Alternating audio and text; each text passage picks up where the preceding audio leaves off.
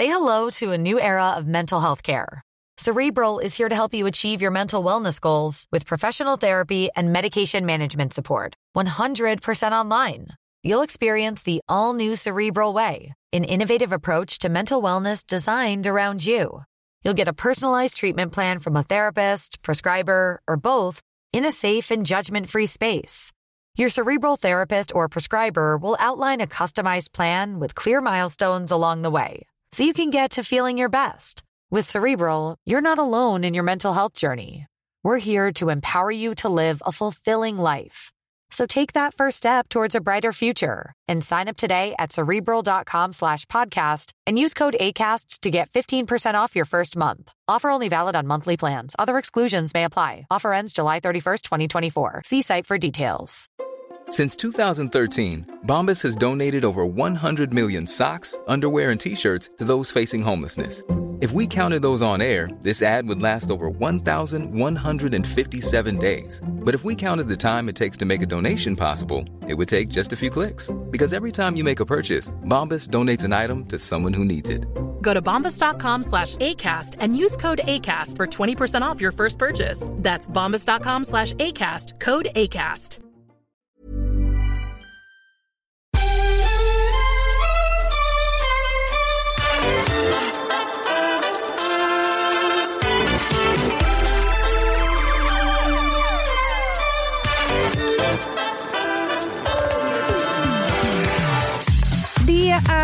Fredag, det är tabbetipset.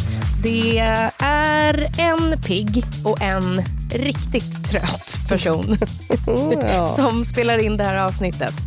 Klara är eh, halvt om halvt levande. Jag ligger ner i sängen och är eh, så dålig som jag kanske inte har varit på flera år. Jag vet inte. Eh, men jag är här i alla fall. Jag, jag lever fortfarande. Eh, även om jag trodde några gånger att det var på gränsen. Men ja, sitta upp. Hur känns det för dig att du för några veckor sedan sa till mig, jag har aldrig varit med om att någon vabbar så mycket och alla är så sjuka och hej och hå.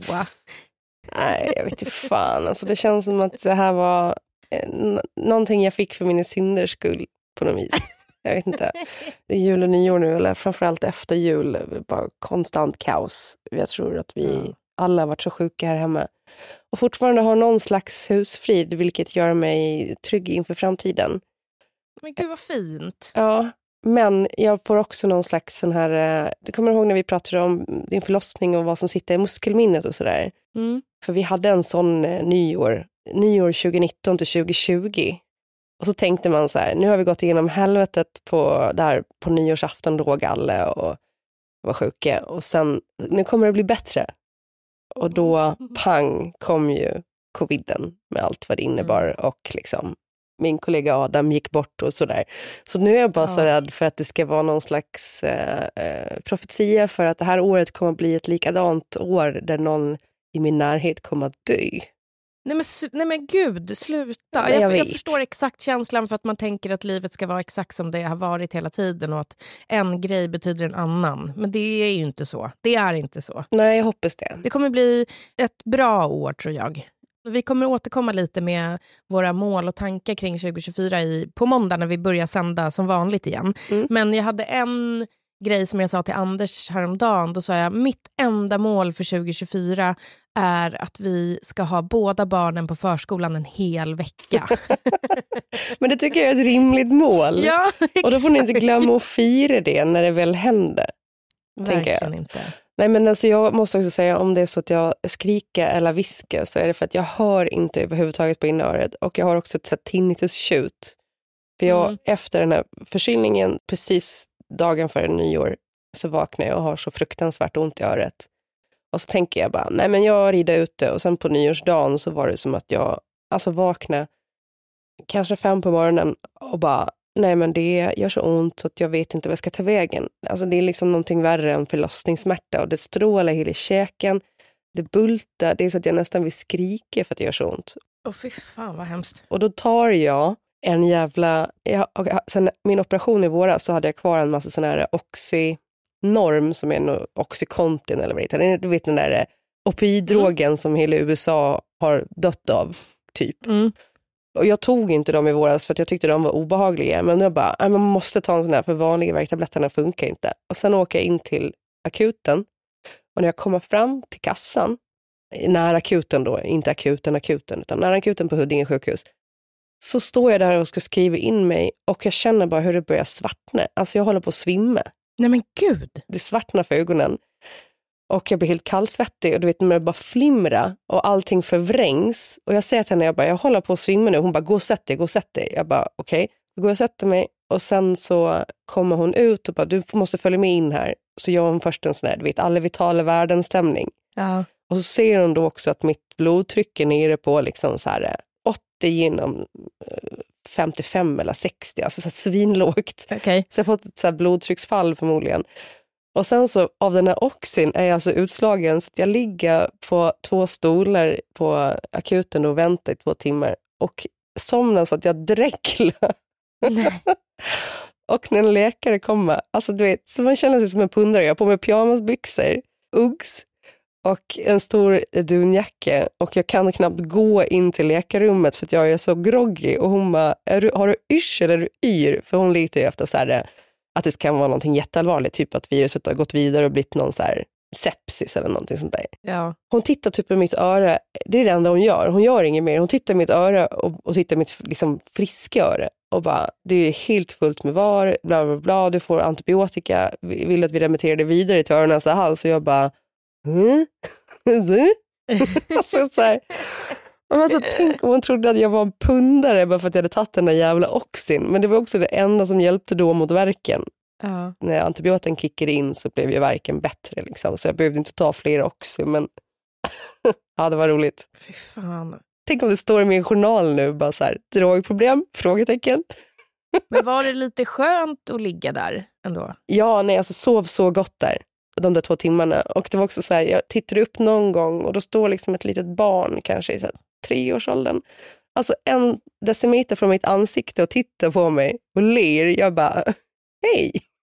Men alltså det är ju också helt sinnessjukt att eh, föräldrarna till det barnet inte plockade bort barnet från dig. Nej, men det stora problemet att vara på olika akuter och närakuter är att man är så jävla rädd att få alla andras skit. Ja. Så att man måste ju ha ett medvetet avstånd, speciellt från barn. Verkligen. Som kladdar på allting. Nej men så är det. Hon kanske förtjänade en öroninflammation.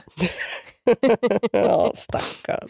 Nej, men det är inte lätt. Men något annat som har hänt under eh, jullovet är att jag har testat att skriknysa. Och nej, det gör Kjell hela tiden. Jag hatar honom för det. Ja, men... Det är typ det jag hatar mest. Ja, men det är nämligen så här att jag växte upp med en mamma som har skriknysit. Jag har gift mig med en man som skriknyser. Och ja. jag har eh, släktingar liksom på hans sida som också skriknyser. Och det här är bland det värsta jag vet. För att det kommer alltid som en chock. Alltså, min mammas skriknysar låter som ett skall. Alltså de är mer liksom, typ så här... Ah! Så. Alltså, så att man plötsligt bara rycker till. Anders skriknysar är lite mer alltså liksom, så här, överdrivet långa. De har en så lång efterspel, som att liksom, låten inte riktigt är slut ännu. Men jag tänkte, jag måste testa för att alla de här människorna hävdar ju att man ska inte hålla in en nys. Det är mycket skönare att skriknysa. Varför måste man höra så mycket jämt? Det är det som jag ställer mig frågan till. För att jag tycker, alltså nu vet jag bara för att Kjell gör det, han skrikhoster, han skriknyser och barnen skrikspyr. Och jag, jag, har aldrig hört Kjell spy, för han har inte spytt sedan 1988. Men, men att jag kan säga till Kjell, då var så här, det sa jag senast i morse, när han skrikhoster. Jag bara, måste du försöka låta så mycket hela tiden? Måste du, alltid, det är så, du är som ett barn som måste liksom höras Exakt. så fort du är sjuk. Ja, en nys är ju ett val. Ja, men att nysa kan man ju göra. Ja, men att ta valet att låta nysen alltså, vrålas ut tycker jag är helt befängt. ja. Både liksom Florens, jag och Donna tittar på Anders med eh, hat i blicken. Florens sa senast han när jag sa nu kastar vi ut dig pappa för att han skriknyser så mycket. Men jag var ja. i alla fall hemma hos mamma på middag och kände att det var en nys på gång och mm. testade. Och Sen när jag kom hem, för att det här var, det var väldigt obehagligt. Det var liksom... Eh, det kändes som att någon rev någonting i halsen. Ja, Men jag kände i alla fall att jag var tvungen att testa igen. Så jag, jag ska spela upp här hur det låter. Jag gick in på toan igår och eh, drog en nys. Det här är då min take på skriknysningar.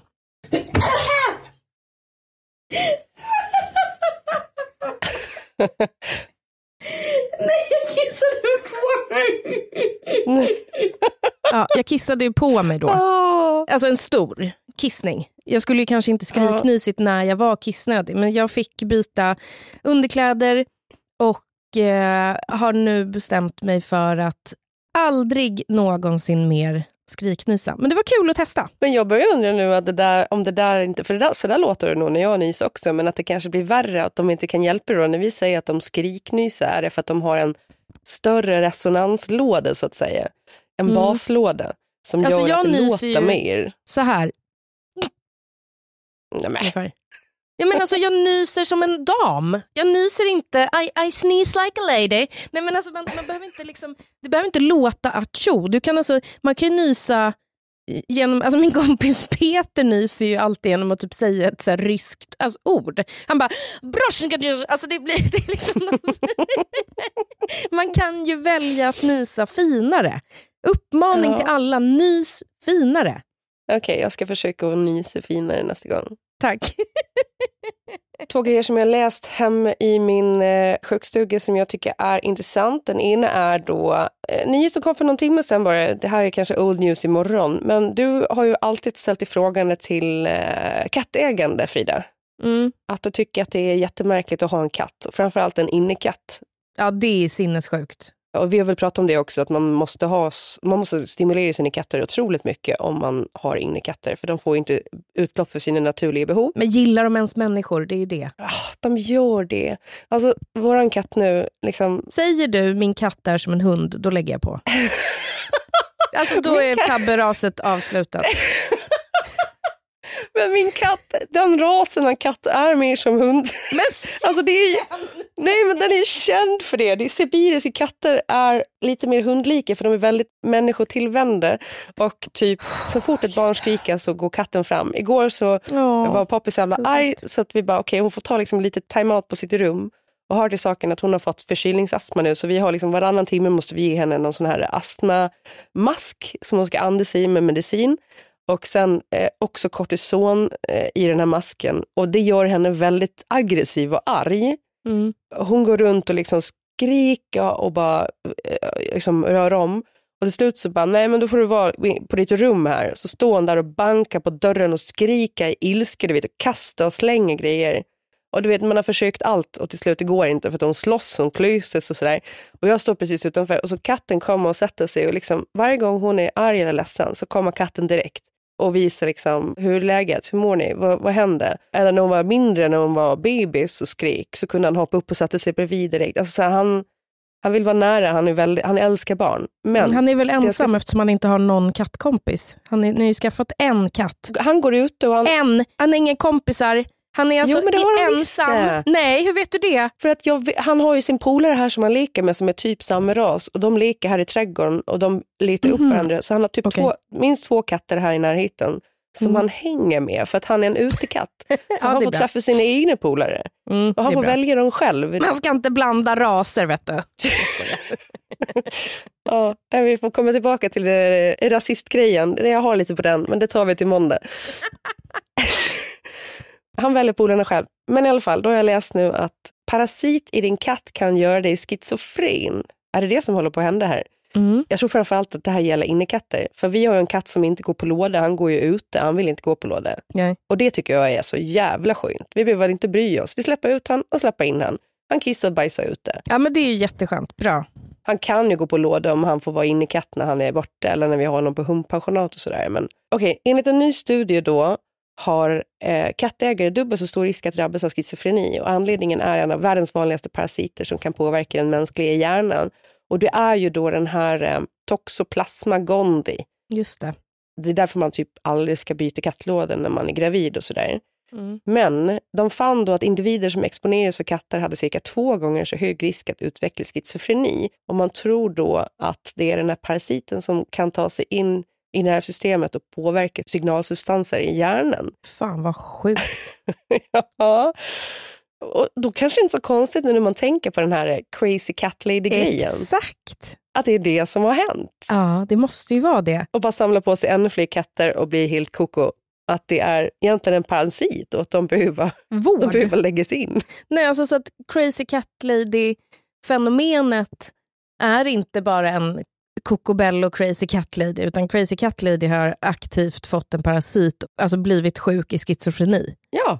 Det är det som är grejen. Ja, Wow. Ändå breaking news på något sätt. det tycker jag verkligen. Och sen en annan eh, nyhet som jag läste, eh, en forskare då som heter David Larsson Heidenblad. Eh, den här kommer du gilla, för jag, Mm. det slog mig att det här, jag har inte läst hela för jag har inte SvD, jag har bara DN tyvärr.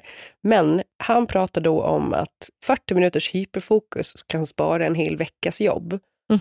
Det här tänker jag vi kanske får anledning att komma tillbaka till just för att jag har ju upplevt, och framförallt sen jag började ta ADHD-medicinen och sådär, att man kan ha ett sånt här hyperfokus och göra väldigt mycket, eller jag tror det är vanligt för ADHD-personer generellt, Mm. när de går in i ett hyperfokus så får man så jävla mycket gjort på kort tid.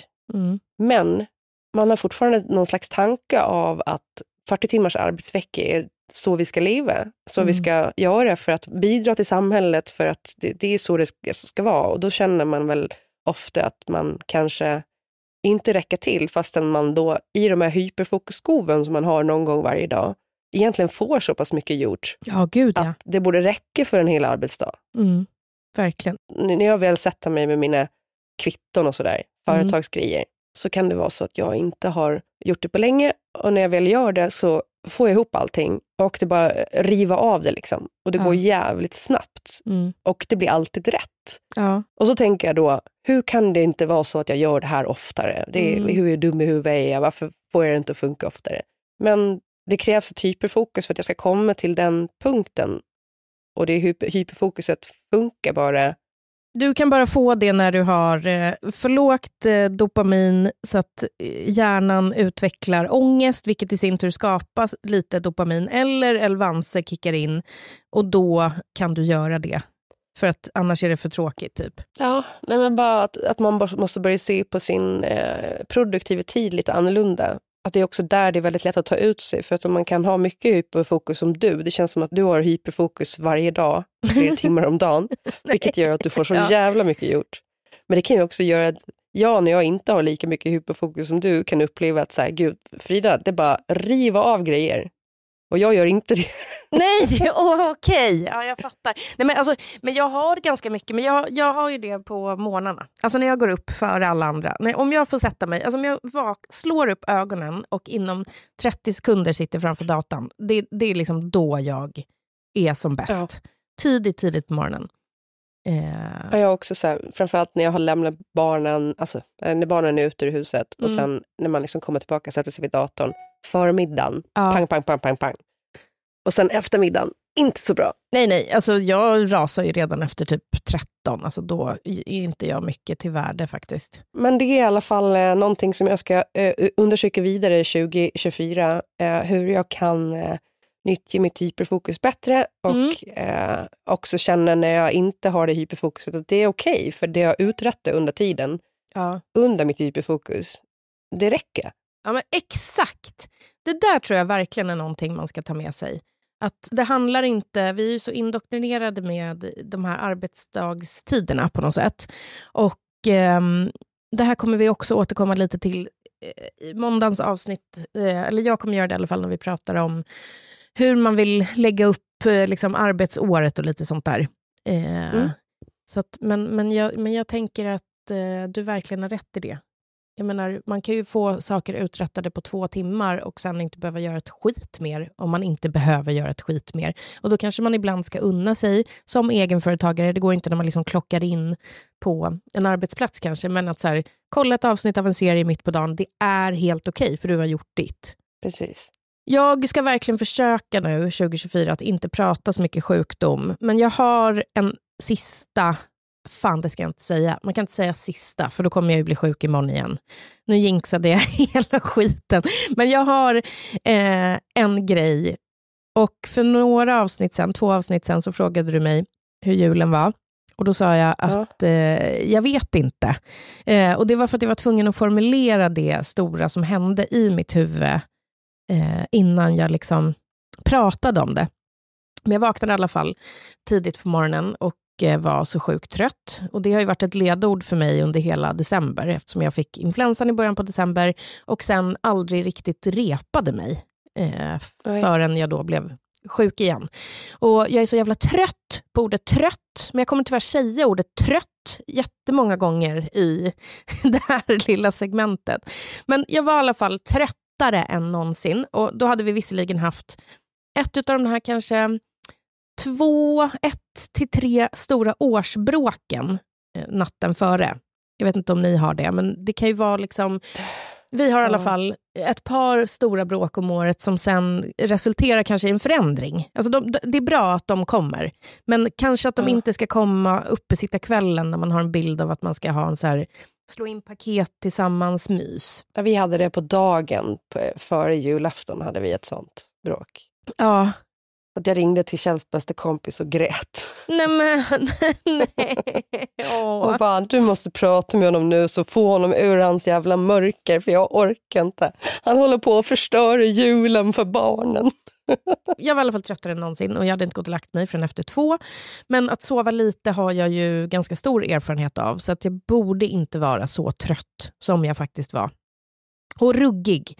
Men skitsamma, det är bara att köra. Det är julafton, kidsen är redo och eh, vi kör heldagsjul. Alltså vi ses redan klockan tio på dagen med mm. eh, släkten då och det var mysigt. Även om jag frös, jag hade kanske en för tunn klänning i ett kallt hus, men jag försökte liksom sätta mig vid brasan och ta en paus lite grann på soffan. Jag lånade filtar och när jag kollade mig i spegeln så var jag jävligt blek.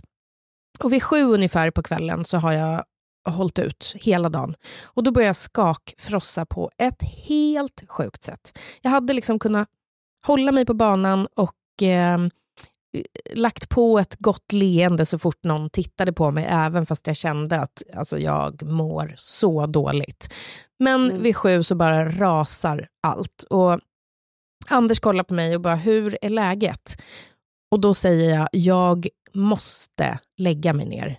Och här dras jag liksom mellan att vilja då fortsätta vara den här härliga, roliga, glada tjejen som bara ska liksom, eh, som alla ska tycka om eh, och känslan av att vara till besvär. Alltså ska jag liksom göra en scen av att så här, åh, jag mår dåligt, jag måste gå och lägga mig. Pinsamt, vad ska alla tycka?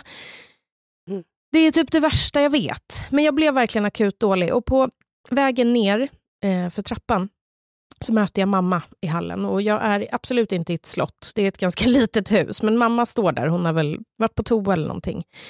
Och jag bara lutar mig in i hennes famn. Alltså jag vilar huvudet mot hennes axel, jag känner hennes värme och mm. börjar undra om jag håller på att bli sjuk igen. Och sist vi pratade om alla de här influenserna och sjukdomarna så sa jag att jag inte haft sån här feber eller varit så här sjuk sedan millennieskiftet. Men det var en lögn, för jag har varit så där sjuk en annan gång. Och 2009 så reste jag själv till Australien.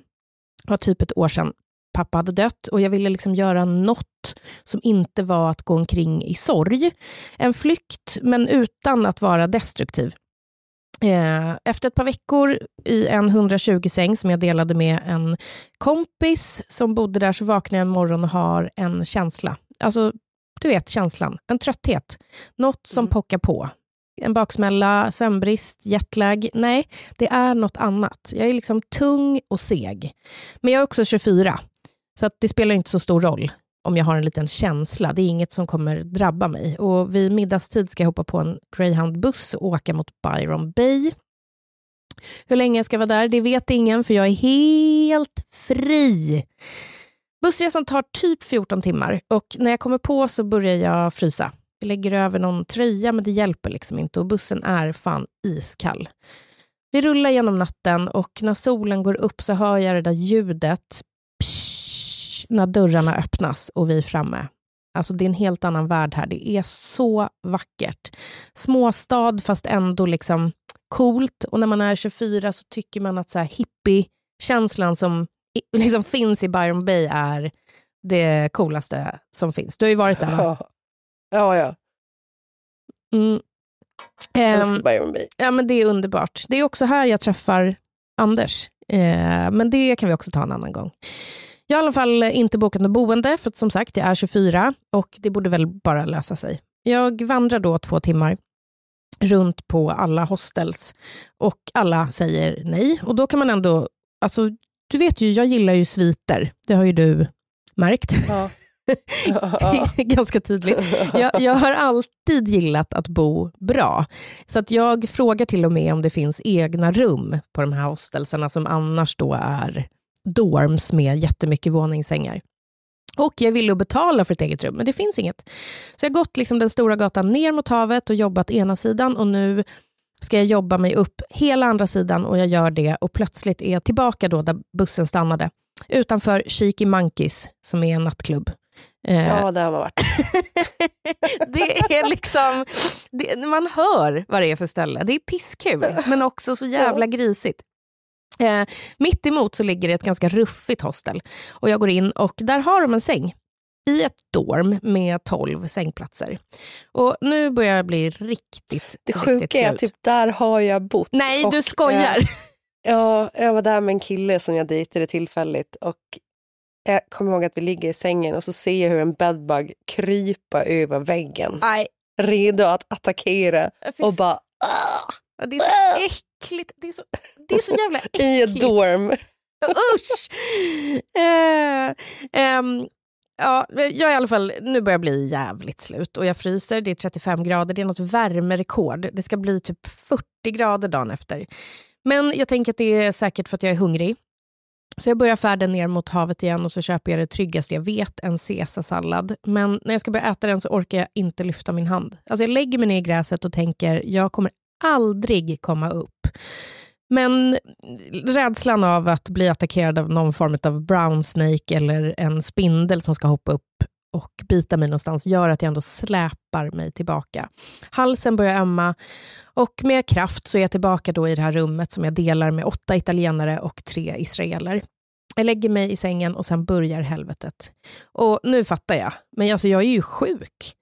Det sjuder av ljudet när den pytte, pyttelilla fläkten som står på ett lockerroom-skåp fladdrar förbi mitt ansikte med varm luft. Alltså som att man är i en bastu och att någon viftar där inne. Det är så satans varmt. Och jag får en värktablett av någon och då börjar svetten rinna på ett helt absurt sätt när febern går ner. Jag svettas ner hela sängen och när folk tänker att det var blött, tänk tre steg till. Det var så dyvått. Men det finns inga lakan att byta med. Så att jag får helt enkelt krypa in mot väggen så att jag inte ligger med hela kroppen i det här blöta. Det är så jävla hemskt. Och där kryper bedbugsen förbi. Där kryper bedbugsen förbi. Och jag somnar- Ångest, Ja, det är- sjuk där. Ja, det är sån jävla ångest. Och jag somnar jag drömmer om min mamma. Jag drömmer att jag lutar mig in mot hennes axel. Jag drömmer att jag är ett barn som bara behöver flyta med och bli baddad på pannan. När morgonen kommer så är jag sämre. Alltså jag släpar mig ut till repan för att fråga var jag kan hitta en läkare, få en adress och ge mig av. Men för att kunna gå så måste jag ta stöd. Alltså på träd, på lyktstolpar, på väggar. Och väl hos läkaren så sätter jag mig ner och bara däckar så att liksom huvudet åker fram. Tills jag hör någon Ja. som ropar “Have you been in a car accident?” Alltså är det någon som säger, för de tror att jag Det där var då min australiensiska. Eh, de tror att jag har typ whiplash, för huvudet bara hänger. Oj, oj, oj. Men det visar sig då att jag har halsfluss. Det jag också fick på julafton. Jag får penicillin och dagarna som följer så kan jag bara tänka på mamma. Och nu är jag ju där. Jag är hos Mm. min mamma med huvudet vilandes på hennes axel. Och hon följer med mig ner i sovrummet, bäddar om mig, hon stryker mig på kinden.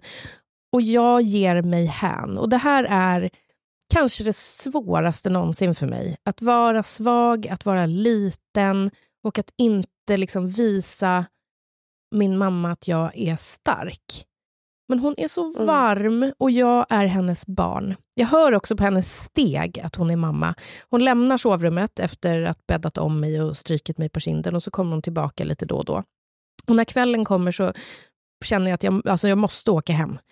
Och eh, jag kan inte gå upp för trappan i den här lilla klänningen utan en varm tröja. Jag måste låna en tröja för att jag skakar för mycket. Och då hör jag hur hon går med de här bestämda mammastegen. Jag hör henne passera... De klampar. Nej, men hon, är, hon är på väg mot ett mål. Och Hon går förbi uh. Anders, jag hör det, och passerar honom och han säger äh, men hon kan bara ta min jacka. Och mamma svarar hon ska ha en varm tröja. Hon är alltså fullt bestämd på uh. att det är det jag ska ha. Och det är liksom... Jag känner igen det så mycket, den där känslan som man aldrig riktigt kunde fatta innan man fick barn. Alltså hur hängiven och beslutsam man är när ens barn är sjukt. Och även fast jag snart är 40 år så fick jag vara hennes barn och fick vara liten. Hon var verkligen min trygga, varma mamma. Ja, verkligen. Och jag är så glad nu också att jag får vara sjuk i min egen säng. Även om man knappt orkar rodda barnen eh, överhuvudtaget. Men att man inte ligger på ett hostel i Byron Bay med åtta italienare och tre israeler. man inte känner.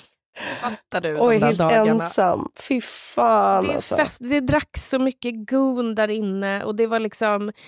Var det de, de partade på runt omkring dig? De sket ju mig. Alltså det var, dörren flög upp liksom morgon som kväll och det var fest. Nej, till slut kommer liksom en fransk tjej jag har träffat som jag, som jag sen reser vidare med. Och nästan varje morgon så måste vi ut och leta efter hennes trosor. För då har hon knullat med någon ny snubbe. Och varje kväll så tappar hon hennes trosor. Alltså vi hittar dem under solstolar, i pooler. Alltså det var så jävla sjukt. en natt så vaknar jag i, också i ett dorm då i Nusa tittar åt höger, då sitter hon alltså en och en halv meter bredvid mig och rider en snubbe och gör alltså hang loose-tecknet mot mig. Vad det var. och det är våra tabbetips inför helgen. Okay. Knulla mer. Rid in i den här helgen. Rid in i helgen. Det ska vi göra. vi hörs igen på måndag. Då är Tabberaset tillbaka som vanligt med avsnitt både måndagar och fredagar. Tack för att ni hänger med oss och Klara, krya på dig. Ja, tack, tack, tack. Mm, jag ska bädda ner mig i min egen säng. Puss.